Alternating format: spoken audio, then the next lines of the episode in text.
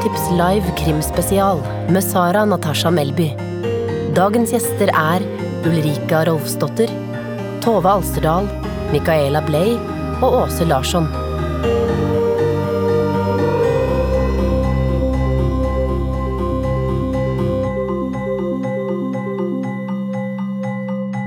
Eh, Nå har vi dette programmet, och som jag sa i sted, så är det sånn att vi jo prøver å finne på litt riktige navn på disse programmene.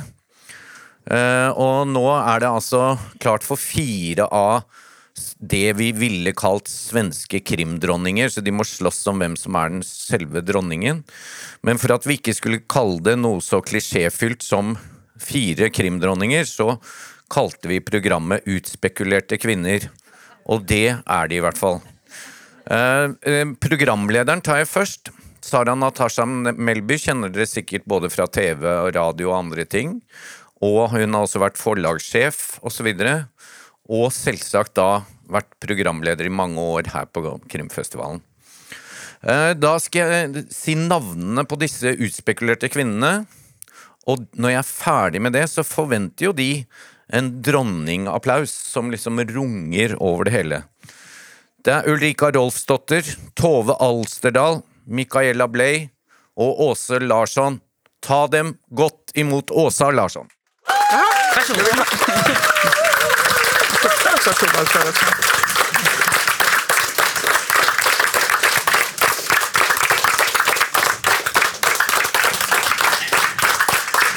Jag tyckte han sa dem på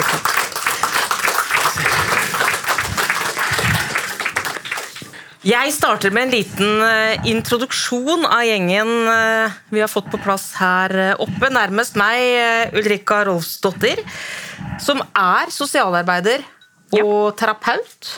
Stemmer. Men nå også forfatter. Debutant med boka som på norsk heter Rovhjerte. Tove Alsterdal sitter her, debuterte i 2009, skrevet en lang rekke kriminalromaner, eh, er nå i gang med ny serie. Og for den første boka i serien så mottok hun Glassnøkkelen, som altså er prisen for beste nordiske krim. Og nå aktuell med bok nummer to i den serien, som på norsk heter Synkehull. Så sitter Micaela Bley her, som tidligere jobbet som innkjøper i svenske TV4, men som har vært forfatter i en lang rekke år. Skrevet en serie om journalist Ellen Tam, men også hun er i gang med en ny serie, og er her aktuell med boka 'Død for deg'. Så er det Åsa Larsson på enden, nå med denne boka. Du sitter med feil bok der, men det er eh, helt greit. Eh, debuterte med 'Solstorm' i 2004. Og har eh, siden den gang skrevet mange bøker, og det har også blitt mange priser, også for den eh, siste. 'Fedrenes eh, misgjerninger', som, misgjerninger, som ble kåra til årets krim i Sverige i 2021. Det var alle de fantastiske kvinnene. Velkommen skal dere være. Jeg må begynne med deg, Ulrika. Du snakker norsk. Ja, selvfølgelig. Hvorfor? Fordi at jeg var sammen med en nordmann og har to barn med han. Så elleve år prøvde jeg å snakke norsk. Men Hvordan syns dere at Er det, er det ok? Ja. Absolutt. Ja. Vi har heldigvis litt tid, og vi har mye å snakke om, men jeg syns vi skal starte med å snakke litt om de siste bøkene. Dere skal få lov til å fortelle om hver dere, så vi kan begynne med deg, eh, Ulrika. Hva handler boka di om?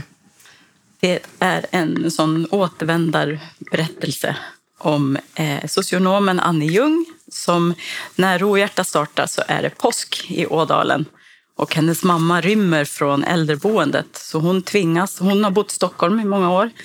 Eh, och av anledningar som man får veta eftervärt i boken. Eh, så tvingas hon åka hem tillbaka till sin hembygd. Eh, ta hand om sin mamma. Men i samma period där så försvinner hennes släkting Saga som är 17 år. Spåreslöst och hon blir indratt i utredningen om vad som har skett. Mikaela, Död för dig. Död för dig, ja. Det handlar om Gustav och Caroline som lever eh, det perfekta livet. Eh, på ytan i alla fall. Eh, och en dag försvinner Caroline gravid med parets två små barn, döttrar. Och en utredning sätter igång. Där Henrik, The Killer Hedin och Leia Kaplan som är mina Eh, utredare. Eh, dels då eh, försöker hitta de här barnen men också nystar upp en, en ganska, eh, ett ganska fruktansvärt förhållande eh, och en, eh, eh, en familj i förfall kan man väl säga. Och så får man följa Gustav och Caroline som har ju två helt olika perspektiv på, på verkligheten. Tove, du är aktuell med Skinkul. Vet du vad? Før vi snakker litt om boka di Før vi kom opp på scenen her, så sto Knut Gørvel her og introduserte dere som krimdronninger. Da endret ansiktet ditt seg. Hva Er du Inte bara mitt kanske.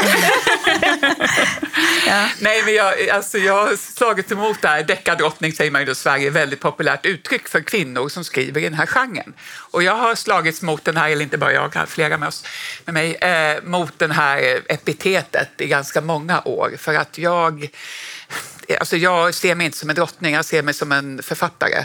Så här, att vara drottning, det är lite, så, åh, lite glamoröst. Man ligger på schäslongen och beordrar sina undersåtar. Alltså det har inte så mycket med författande att göra tycker jag. Och det är ju just kvinnor som av någon anledning ska vi vara drottningar och inte det vi faktiskt jobbar med, att vi är hårt arbetande författare. Så jag är, ja. Håller med. Bra där, Frida. Mm. Og da kan du fortelle litt om Skinkul. Ja. Jo, det handlar om en drottning. Bara-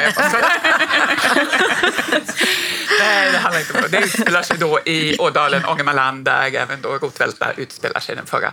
Och det börjar med att man hittar ett, en död man i ett ödehus långt in i skogen som har stått öde länge. Han är instängd i källaren och man upptäckte också att han har tillbringat ganska mycket tid där. Han har blivit instängd och har svultit ihjäl. Innan dess har han ätit ganska mycket obehagliga saker. Ja. Eh, och eh, så småningom, och det finns liksom inget, eh, jag menar, han har varit försvunnen en tid och så. Svårt att hitta några spår och sen uppdagades det även att man längre norrut i ett samhälle som heter Malmberget, ett sånt här övergivet gruvsamhälle, så hittar man ännu, ett, ännu en man som har blivit instängd och då ska ju detta naturligtvis då utredas av min polis som heter Eira Sjödin. Och eh, samtidigt så är det här, eh, förutom den krimhistorien, eller den krimhistorien är också, alltså det är också en eh, historia om kärlek tycker jag. När kärleken kan vara, eh, den är inte alltid, det är inte en sån där toppenrelationer som vi pratar om här utan det kanske är mera de svarta sidorna av kärleken. Jag tycker sjunk, synkehull kan vara en metafor för kärleken också. Och eh, även om man skruvar till det i krimmen så handlar det också om sådana känslor som vi alla kan råka ut för när det inte går så jättebra i kärlek. Åsa, fedrenes misgjerninger. Ja, eh, det är den sista och avslutande delen av min eh, krimserie om Rebecca Martinsson som i början på serien lämnar sitt lite mer glamorösa då, eh, eh, advokatliv och flyttar eh, upp till Kiruna eh, och bosätter sig vid sin hemmaälv, Torneälven. Och i den här avslutande delen så eh, är det en, en eh, rättsläkare, Pohjanen, som är, han, han, är, han har varit döende genom hela serien. Eh, och nu är han jättedöende. och han utpressar henne lite känslomässigt med det och tvingar henne att titta, alltså, trots att hon är väldigt arbetstyngd, att titta på ett preskriberat eh, mord. Och, och samtidigt så är det ju så, som ni säkert känner till, att eh, i Kiruna så man flyttar hela stan för att eh, gruvan ska kunna bryta på nästa nivå. Och jag, eh, det går inte att skriva om Kiruna utan att skriva om det. Så att ehm, det där drar till sig en speciell slags brottslighet som man inte har varit med om tidigare. Och, ja, som i alla deckare så vävs alla de här trådarna i, ihop. Så. Mm. Jeg har lyst til å snakke litt om, om plassering. Steder. De stedene dere velger å la kriminalromanene utspille seg. For det er jo eh, svært ofte ikke tilfeldig. Jeg vet, Ulrika, du har lagt tannlegen til et sted du kjenner veldig godt. Det är ju där jag är född och uppvuxen. Så, men man ser det ju med andra ögon när man har bott. Jag har inte bott där sedan jag var 19 år. Så när man kommer tillbaka och får upptäcka utifrån litteraturens ögon då, och glasögon så då blir det ännu vackrare. Och som vi har varit inne på tidigare så Ådalen är väldigt likt Norge, eller det närmsta vi kommer Norge om man vill skryta lite med landskap i Sverige, även om det inte kommer i närheten. Men eh, det, det, blir extra viktigt då att få beskriva sin hembygd. Men varför ville du lägga handlingen akkurat där? Eh, alltså, min, det är tänkt att bli en serie om Annie Ljung och då eh, baseras det på dels hennes jobb, att hon är socionom och socialt utsatta grupper, eh, folktro från min hembygd, men sen det viktigaste att alla delar i serien ska ha ett lokalt gammalt mordfall. Och därför så hörde jag talas om det här pigmordet i Ådalen. Och det är från 1870 någonting, så det kändes ganska safe. Att det inte... Men folk har hört av sig som är släktingar till drapsman. så, så det är färskt i minne för, för några. Mm. Uh, och Ådalen, Tove, det, Mycket populärt ställe ja, det är ett väldigt populärt sted. Och... Men det var inte det för några år sedan. för några år sedan fanns, skrevs inga böcker från Ådalen, men det, vi råkade samtidigt då sitta och skriva på det här. Och det roliga är ju att jag kom ju dit ungefär när Ulrika flyttade därifrån för 20 år sedan. Eh, så köpte jag ett hus i Ådalen och haft som eh, fritidssommarhus. Nu är det mycket skrivarstuga när mina barn har börjat flytta ut och sådär.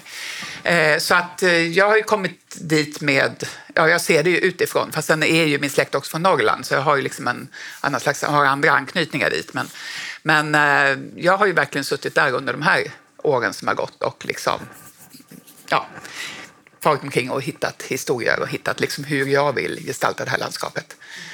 Och varför är Ådalen det perfekta stället för en kriminalroman? Ja, dels, det finns ju en sån, dels är det är ju det här med naturen, det är en väldigt kraftfull plats. Alltså vi har de här, vi kan ju inte säga att vi har höga berg och att det är en djup fjord och sånt där när man sitter i Norge, men det är ju faktiskt det. Eh, men samtidigt så har det en väldigt mycket mörk historia i sig och det, man känner det i landskap. Dels finns det ett väldigt vemod, det har varit krisbygd i hur länge som helst med hög arbetslöshet, alltså utflyttning och avfolkning.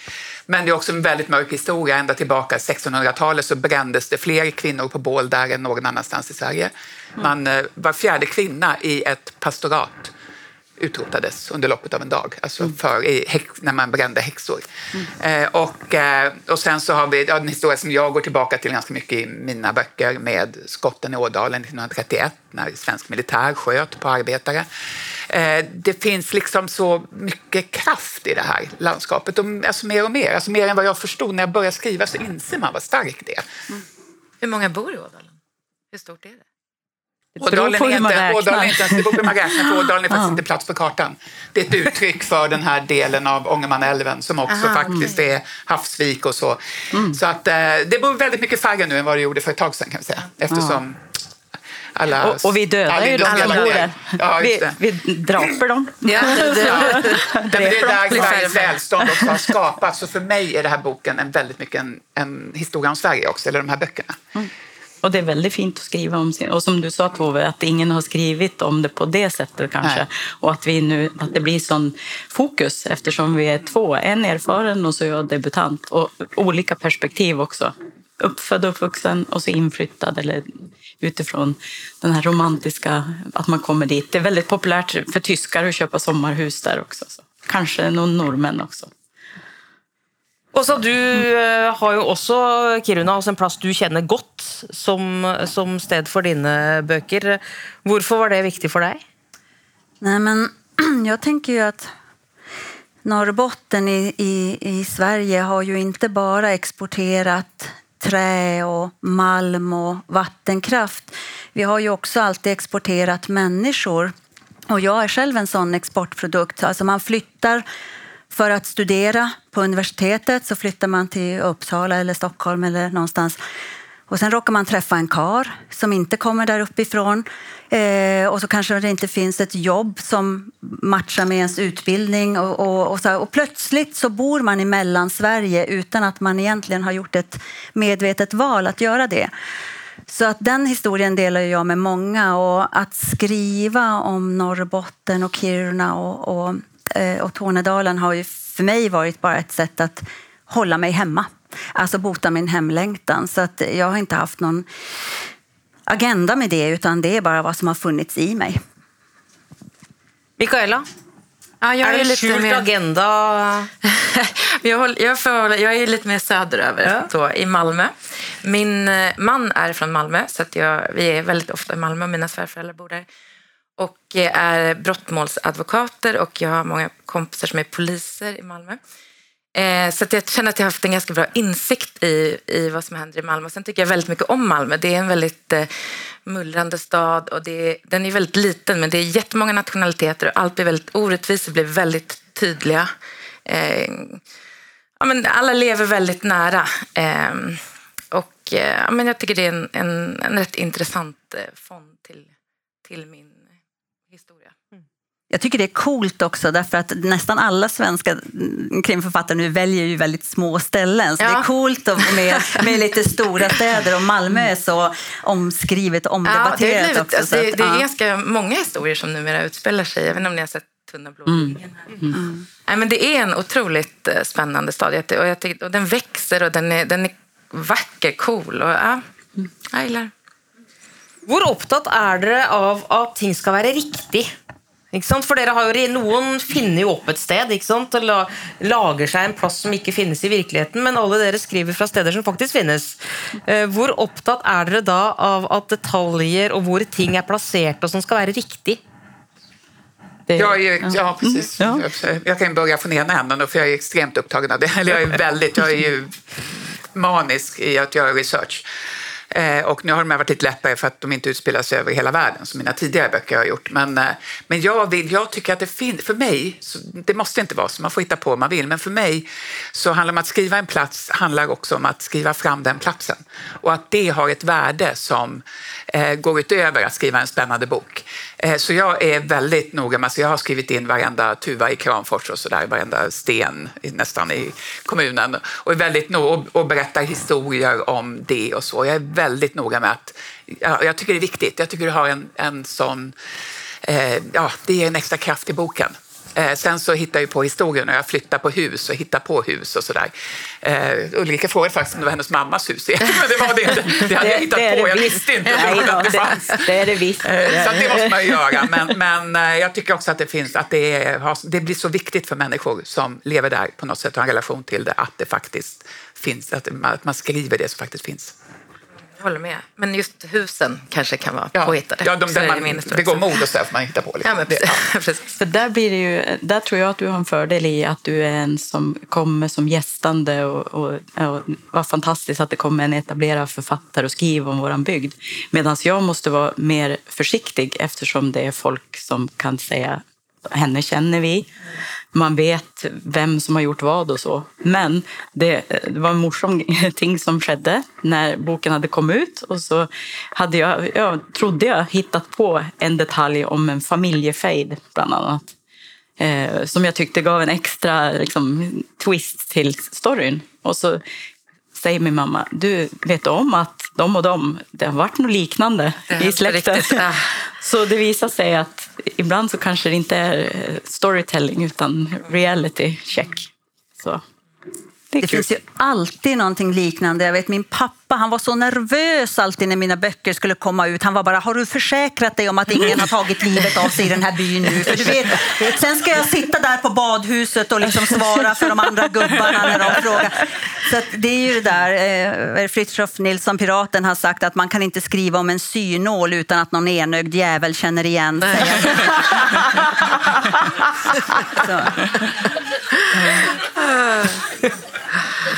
Men jag håller med. Det är ju också så här, jag, jag, jag, jag säger som, som du Tove, det handlar ju också om respekt för man, ska visa, man, får komma, man, man får skriva om vad man vill men man ska visa respekt för den trakt man skildrar och att vara eh, noggrann med sin research och att man skildrar det så inifrån man bara kan. Det är en del av den respekten tycker jag. Og hvordan gjør dere research? For en ting er jo research rundt steder, eh, men det er jo veldig mye annen research også som eh, må på plass for å skrive en eh, kriminalroman. Hvordan jobber du, Ulrika? Ja, jag har ju en polis på grova brottsenheten i Sundsvall som är en timmes bilfärd från eh, Ådalen. Eh, och sen socionom är jag själv, men jag har ändå en socionomkontakt som hjälper mig. Eh, och sen häxprocesser belyser jag ju lite i min och modern häxjakt. Och då, dels så har jag ju historiken finns ju och jag har varit turistvärdinna så att jag har det med mig. Men det som blev viktigt var ju att skildra att det var på 1600-talet men det sker fortfarande överallt. Så då blev det ju en nutidsskildring med eh, historien som fond mera. Så det, jag tycker det är en, en, blandning, att man väger och det här också respekten för... Om jag tar ett gammalt mordfall så kände jag att då kanske det är safe. Så att det, även om det är ett brott som kan ske idag hela tiden. Och, och huvudpersonen din delar du ju yrke med sån i utgangspunktet, ja, Och det är säkert Anne. också ett bevisst val ja. i förhållande till något du kan något om. Gräv där du står. Har man fått rådet. Så det... Ja. Der har du gjort det litt vanskeligere for deg selv, Mikaela. For, for, det første så er eh, Du har to, riktignok, men en av hovedpersonene dine er mann. Henrik. Eh, bakgrunnen hans er at han tidligere var fotballproff. Ja, precis. Du har ikke, så vidt meg bekjent Det har jeg ikke varit. Eh, men jag kan eh, tänka mig hur det kan vara. det känns som jag har varit det. Eh, nej, det, det, men, men det är väl mer gestaltande av hans eh, personlighet. Eh, han är ju polis numera så det är inget, det är inget som händer på fotbollsplanen idag. Men han, eh, han är ju känd för sitt kompromisslösa spel och kallas The Killer för att ingen ville möta honom i en närkamp. Och han har ett starkt rättspatos men kanske inte alltid i enlighet med lagen. Men han, han, det är väldigt viktigt för honom att rätt person eh, straffas. Eller vad man ska säga. Och på fotbollsplanen var det ju lite andra regler än vad det, var, än vad det är ute i verkliga livet. Men jag tycker att det är intressant också för att det är vilken respekt man har för just en, en idrottsman. Eh, oavsett klass eller var, bakgrund. Eh, och sen att han ändå, han var med i fotbolls-VM 94 till exempel. Men, han, men unga känner ju inte igen honom. Det är, det är intressant bara. Ja, för Henrik är ju, för, i hvert fall för gott vuxna så är han kändis. Ja, han är ju kändis, precis, för, de, för de flesta. Mm. Eh, men de börjar ändå bli rätt gamla, de här som var med 94. Ja, det är på vår Eller äldre i alla fall. Ja. Mm. ja. Hur gör du research? Eh, runt handling och eh, ja? Jag, jag, ja, men dels jobbar jag jättenära eh, flera olika poliser och jag läser väldigt mycket förundersökningar. Och just det här fallet eh, blev jag också inspirerad av, eller jag ville försöka förstå den här Chris Watts som eh, mördade hela sin familj i Colorado. Eh, och jag vill, ville försöka förstå hur, hur något sånt kan hända i en till synes perfekt medelklassfamilj som ser ut att leva livet på sociala medier. Och det är bara så fruktansvärt. Så jag, eh, ja, jag gör jättemycket research om verkliga fall. Eh, och också träffar och det var också att jag hade några i min bekantskapskrets som också såg ut att leva så härligt och vara glada och lyckliga. Och eh, egentligen levde med, vidriga hemligheter som man dels inte, att jag inte har förstått att det har hänt och att det kan ske. Hur kan något börja så passionerat och eh, kärleksfullt och sluta i sånt själsligt förfall? Vad är det vi gör med varandra? Så du sa ju att du är spesielt opptatt av research. Det kan vi jo si hvis vi skal si det på en forsiktig måte. Men hvordan gjør du det i, i praxis? Och nu är det ju som sagt annorlunda med de här böckerna, för de tidigare har ju också handlat om verkliga händelser i historien på ett annat sätt. Fördrivningen av den tyska befolkningen från Sudetenland efter andra världskriget eller de som for till Sovjet från norra Sverige eh, på 30-talet för att bygga vad de trodde skulle bli paradis. Alltså då är det så ofantligt mycket platserna och historierna och det som, som jag har velat gestalta i den här formen. Liksom. Eh, nu, de här böckerna är ju mer att jag har fiktiva fall. Det är liksom inte historien jag gestaltar utan nu handlar det mer om att eh, att snacka runt, att läsa, att, att liksom tillföra mera. Dels om platsen förstås, eh, men också om eh, det jag skriver om. Alltså det förra Synkerhåll kan ju se ut, det är ju en kriminalroman där människor dör och sådär. Men jag tycker också att det handlar mycket om relationer. Alltså det handlar kanske om att gå, gå djupare i mina egna tankar. Alltså det handlar om sånt också. Och det kan ju vara att läsa romaner, läsa psykologi eller vad det kan vara. Det kan allt möjligt. Så fort man går ut på stan när man håller på med en bok så samlar man ju på sig. Så att nu är det lite mera oförutsägbart. Det är inte fullt så metodiskt som jag har varit tidigare där jag verkligen var tvungen att jobba otroligt mycket med researchen. Utan det är mera för att fylla på mina egna förråd någonstans. Mycket snacka med folk och så är den ena pratar med nästa och så där och så samlar man på sig diverse berättelser och historier. Och, ja, lite mera free floating nu, så det är ganska skönt. Hva med deg også? Sjette boka om Rebecca Martinsen. Er det free floating hos deg også nå på researchfronten?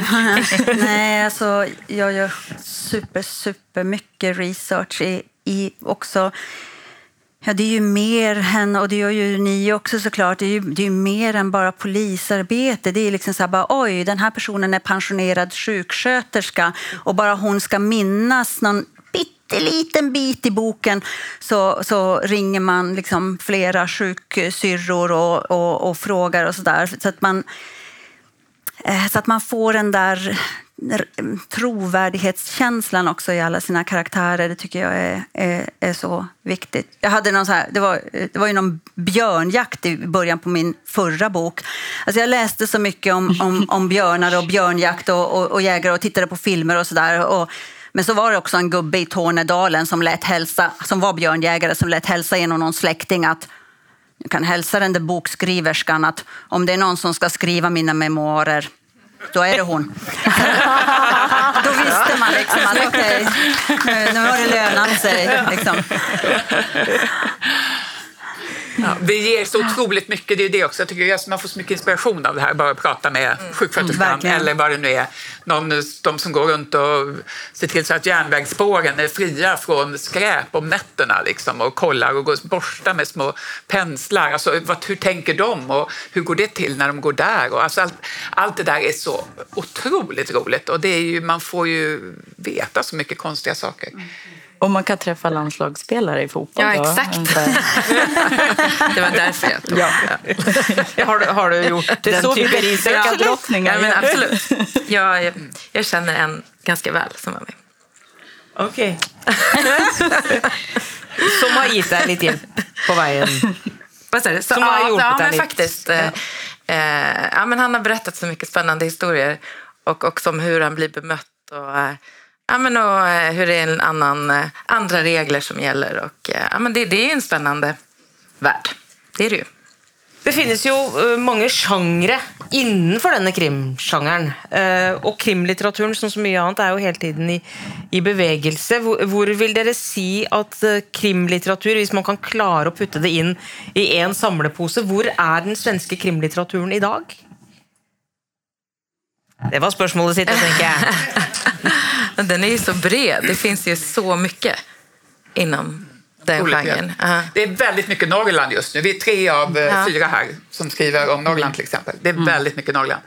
Eh, och det är inget som jag menar, vi hittar på nu, vi har, vi har gjort det förr och så. Men, eh, men det är väldigt mycket och det är väldigt mycket tillbaka till landsbygden. Mm. Alltså det, det, om man ska säga en starka, en stark liksom, trend idag, eller det som har vuxit mycket idag. Men sen är det som sagt, finns det allting från seriemördare till liksom, polisjaktsromaner. Gängkriminalitet, Gängkriminalitet börjar väl precis, bli ja. mer och mer populärt mm. också. Jag tycker man kan se att det finns ett behov av att skildra just så många, ni har ju journalistisk bakgrund, många, vilket jag inte har. Att man, eh, jag tror det var Pascal Engman som sa att man, vill, man blir nyfiken på till exempel IS och så, och så vill man mm. skildra de här stora sakerna som händer i samhället nu som är naturligt ur journalistisk synvinkel. Medan själv känner man att jag sitter som terapeut och jobbar med människors psyken och gräver bara inåt. Istället för att liksom man blickar utåt så tittar man på universum som finns inuti. Och sen som ni sa, att mycket Ådalen och Norrland. Eh, tidigare har det varit Gotland, Öland. Alltså man kan se geografiskt hur det... Det flyttar sig. Ja, ja. ja. Men på hvilken måte er krimlitteraturen god for å si noe om det samfunnet vi lever i? Veldig, tycker jag. Mm. Ja. Hvordan? Mycket bra. Jag tänker på, jag blev väldigt tagen av din, eh, din skildring av stadsflytten. För mycket annat är, för mycket, förutom mycket annat i din roman som jag blivit tagen av, men, men själva stadsflytten i Kiruna, alltså vad det är som händer där. Alltså, när man har bara fått veta att de här fina husen ska flytta dit och det är, oj, någon måste flytta och sådär. Men hela det här samhället som växer fram i liksom under vegetationen av det här liksom, kriminaliteten och sådär. Alltså, jag tycker det var den jag har ju läst ganska mycket om Kiruna, jag är ju där mycket, jag är ju också från Norrbotten. Liksom. Men jag tycker eh, den skildring man fick av stadsflytten i Kiruna i din bok är ju det mest, liksom, det är ju, förstod jag ju massor med saker som jag inte har förstått förut av nyheter och sådär. Till exempel. Ja, men tack. Mm. Som ett ja på din fråga. Håller, men håller inte ni med om att, att jag, alltså jag kanske... Att krimförfattare är av all litteratur man läser så är krimförfattare kanske de som mest plockar upp sånt som är aktuellt och som folk pratar om eller vad det skrivs om i tidningarna just nu. Det har man ju alltid sagt att vill man känna en speciell tid så ska man gå tillbaka till krimlitteratur som har skrivits under den här tiden. Det har jag i alla fall jag, tror att det är så. Håller ni med mig? Ja, jag håller med. Och jag tror att det här med, man ser det här som alla pratar om att det är väldigt mycket landsbygden och Norrland nu och så, det tror inte jag handlar om att åh, vi vill tillbaka till naturen i någon sån här eh, rososk feeling eller sådär, utan jag för mig handlar det om att se vårt samhälle har förändrats så oerhört snabbt. Det gäller ju er också inte minst. Har förändrats oerhört snabbt de senaste 20 åren. Så det, det Sverige jag växte upp i med de liksom värderingar som var rådande och det samhälle som man kunde förstå då har förändrats så totalt.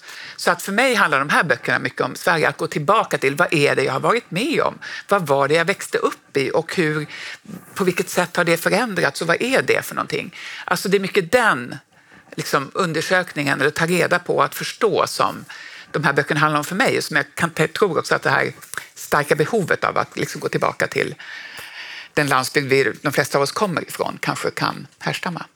Ja, men, och som med Malmö också som då skildrar dagens Sverige, tycker jag. Mm. Det, ja.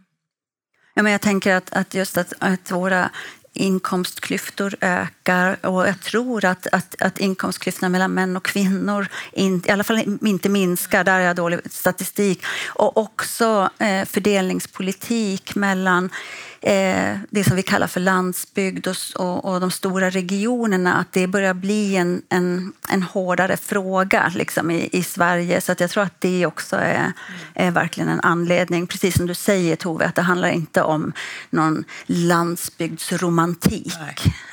Nej. Och jag vill också min huvudkaraktär, att, att hennes dilemma är att hon måste att hon alltid ska ta hand om andra människor. Hon är liksom ansvarig för att ta, hon har det i sig. Vilket jag också har, vilket jag tror väldigt många av oss har. Inte minst av det kön som är representerat här på scenen just nu. eh, men, och, och, att det krockar med den här tiden som har varit den senaste med att man, ja men du måste tänka på dig själv, nej men du måste, det är bara din, det är du som gäller nu, nu är det din tur, nu är det du som ska fram. Men det vi lever i, det är faktiskt det här att, att ta hand om andra människor. Och den krocken tycker jag är intressant att gestalta. Det var liksom en huvudtema egentligen i mina böcker också. Eh, ett tema som också har varit uppe i många år och som stadig kommer upp igen, är ju detta med våld i eh, krimlitteraturen och att många säger att det blir mer våld. Eh, krimlitteraturen blir mer och mer våldlig, medan andra säger att det är lika stora skillnader där inom krimlitteraturen som det är på andra fält. Vad tänker du om våld i krimlitteratur, Ulrika? Ja, allt man har läst eh, och sett alltså skildras. Det, man, man, kan ju namnge vilka som skriver den blodigaste typen av berättelser och vilka som har mer, som Åsa som alltid har varit min stora förebild, skriver om vardagligt våld, eller vad man ska säga. Det som faktiskt finns bland oss hela tiden och som var viktigt för mig också att visa att häxprocessen, alltså 1600-talet, var en blodig tid och hemsk människosyn och kvinnosyn Eh, men att vi är inte så långt ifrån det nu. Alltså vanliga brott, vanliga vardagssituationer som där du var inne på också Mikaela. En fin situation kan gå så överstyr och bli eh, trauma av det. Så vi lever ju med våldet hela tiden. Alltså saker kan hända från ena sekunden till den andra. Så det har varit viktigt för mig att hålla det så mänskligt och vardagligt som möjligt så får Kepler och de andra skriva de bestialiska Jag håller helt med. Bitarna. Jag är, inte heller, jag är mer intresserad av när ja, men, till synes vanliga eller någon som man kan känna igen sig eller relatera till eh, går över gränsen och mer intresserad av vad som hänt innan. Vad är det som har fått den här personen att, att gå över gränsen än kanske beskriva ett bestialiskt mord. Eller, mm. Eh, ja. Tove, du har varit en ganska stark eh, röst eh, mot det, det väldigt bestialiska. Och ja, jag är helt ointresserad av bestialiska mord. Jag läser inte och jag utför dem inte faktiskt inte. Jag tycker inte om det. Sen är det jättemånga som gör det. Då, då får de väl göra alltså, det. är klart man får läsa vad man vill och skriva vad man vill, vad man vill så länge man inte gör det, ja. handgripningen. Men, men, nej, men jag, det intresserar mig inte och det är också någonting som är alltså, seriemördare och sådär. Så jag tycker inte det är så intressant. Det är ju en slags Eh, skruvade, sjuka människor som egentligen inte existerar i någon större omfattning som tur är i samhället. Utan jag, och jag är egentligen inte så intresserad av brott heller. Jag är inte någon sån här true crime eh, sitter och kollar på sånt eller så, utan jag, är jag tycker det här är ett fantastiskt sätt, krimmen är ett fantastiskt sätt att berätta historier om människor och livet och vad det är att vara människa. Att jag kan använda det här för att berätta historier på ett sätt som blir spännande och eh, man kommer åt saker med den här eh, ja, formen att berätta historier. Eh, men eh, utstuderat våld. Och jag tycker också det absolut mesta våldet i mina böcker också försiggår i läsarens eget huvud. Att man, lika som när man skriver sex, det blir mycket bättre om det försiggår i läsarens eget huvud. behöver inte vara för tydligt. Man ska inte vara för explicit för det mesta. Om det inte är jäkligt bra, då kan det vara det. Ja. Håller med. Nu tittar du på mig! Underbara sexscen med björnhonan. ja, nej, men det, ja, nej, jag, jag har ju faktiskt skrivit en, en, en ganska, alltså en, en, en riktig sexscen men mellan, mellan två mm, lite äldre människor i, i min bok. Det är nog bland det svåraste jag har rott i land med i skrivväg faktiskt. Nu gör hon sådär bara för att hon fick så dåligt samvete. det är jättebra. Nej, det är bra. ja, nej, men det, ja, nej, det är svårt. Vi har uh, nesten ikke noe tid igjen, men jeg har lyst veldig veldig kjapt, selv om uh, alle nå er aktuelle med bøker, alle må lese hvis ikke de har gjort det allerede. Du har vært ganske tydelig også på at det er farvel til uh, Rebekka. Mm. Hva skjer nå uh, med ditt forfatterskap? Det vet jeg ikke. Och jag, jag ljuger inte, utan jag eh, omfattar ovissheten och rädslan och friheten samtidigt. Mm. Spännande. Uh. Uh. Tove? Eh, jag har börjat skriva på eh, del, den tredje boken i den här serien om eh, Ådalen och Eira Sjödin. Och det blir en det, jag, tänker, jag har tänkt hela tiden det här som en trilogi. så att den kommer att bli avslutad på någon form. Men jag tänker inte ta död på henne. Så att om jag känner för att fortsätta om några år så gör jag det. Men jag utlovar inget och jag bestämmer ingenting utan jag vill också omfamna ovissheten ett tag sen efteråt och se vart jag vill utvecklas mitt författarskap, skriva andra saker så för att äh, inte stagnera. Mikaela, det blir mer i The Killer-serien. Ja. Jag har manusinlämning nu, första april. Så jag skriver, skriver och skriver och skriver. Eh, det är fristående delar, men, eh, och här följer man ju Henrik, det här fotbollsproffset. Men i nästa får man följa hans eh, kollega Leia istället. Eh, ja. Mm. Spennende. Mm. Ulrika, det är ett uttryck som heter den vanskelige andreboken. Ja, ja. jag vet det. Eh, jag skriver ju på den andra som är tänkt att komma ut till hösten. För jag har ju avtal om, bland annat med Norge om tre böcker. Så i vart fall tre ska det bli om Annie. Om ni fortsätter köpa och läsa och, och liker dem. Ehm, så jag har en plan om i vart fall fem. Så vi får se om det blir fortsättning i andra länder också. Mm. Men jag hoppas jag kan övertyga svenskarna om att eh, Ådalen och Annie är värt att läsa länge till. Väldigt bra. Det betyder ja, att... Jag ska inte dräpa Annie. Nej, du gör inte det riktigt ännu. Nej, det är gott, det är gott. Vi har mycket att glädja oss till. Det var en väldigt fin uh, samtal. Tack ska ni ha alla fyra. Tack själv. Boktips, en podcast från Cappelen Damm.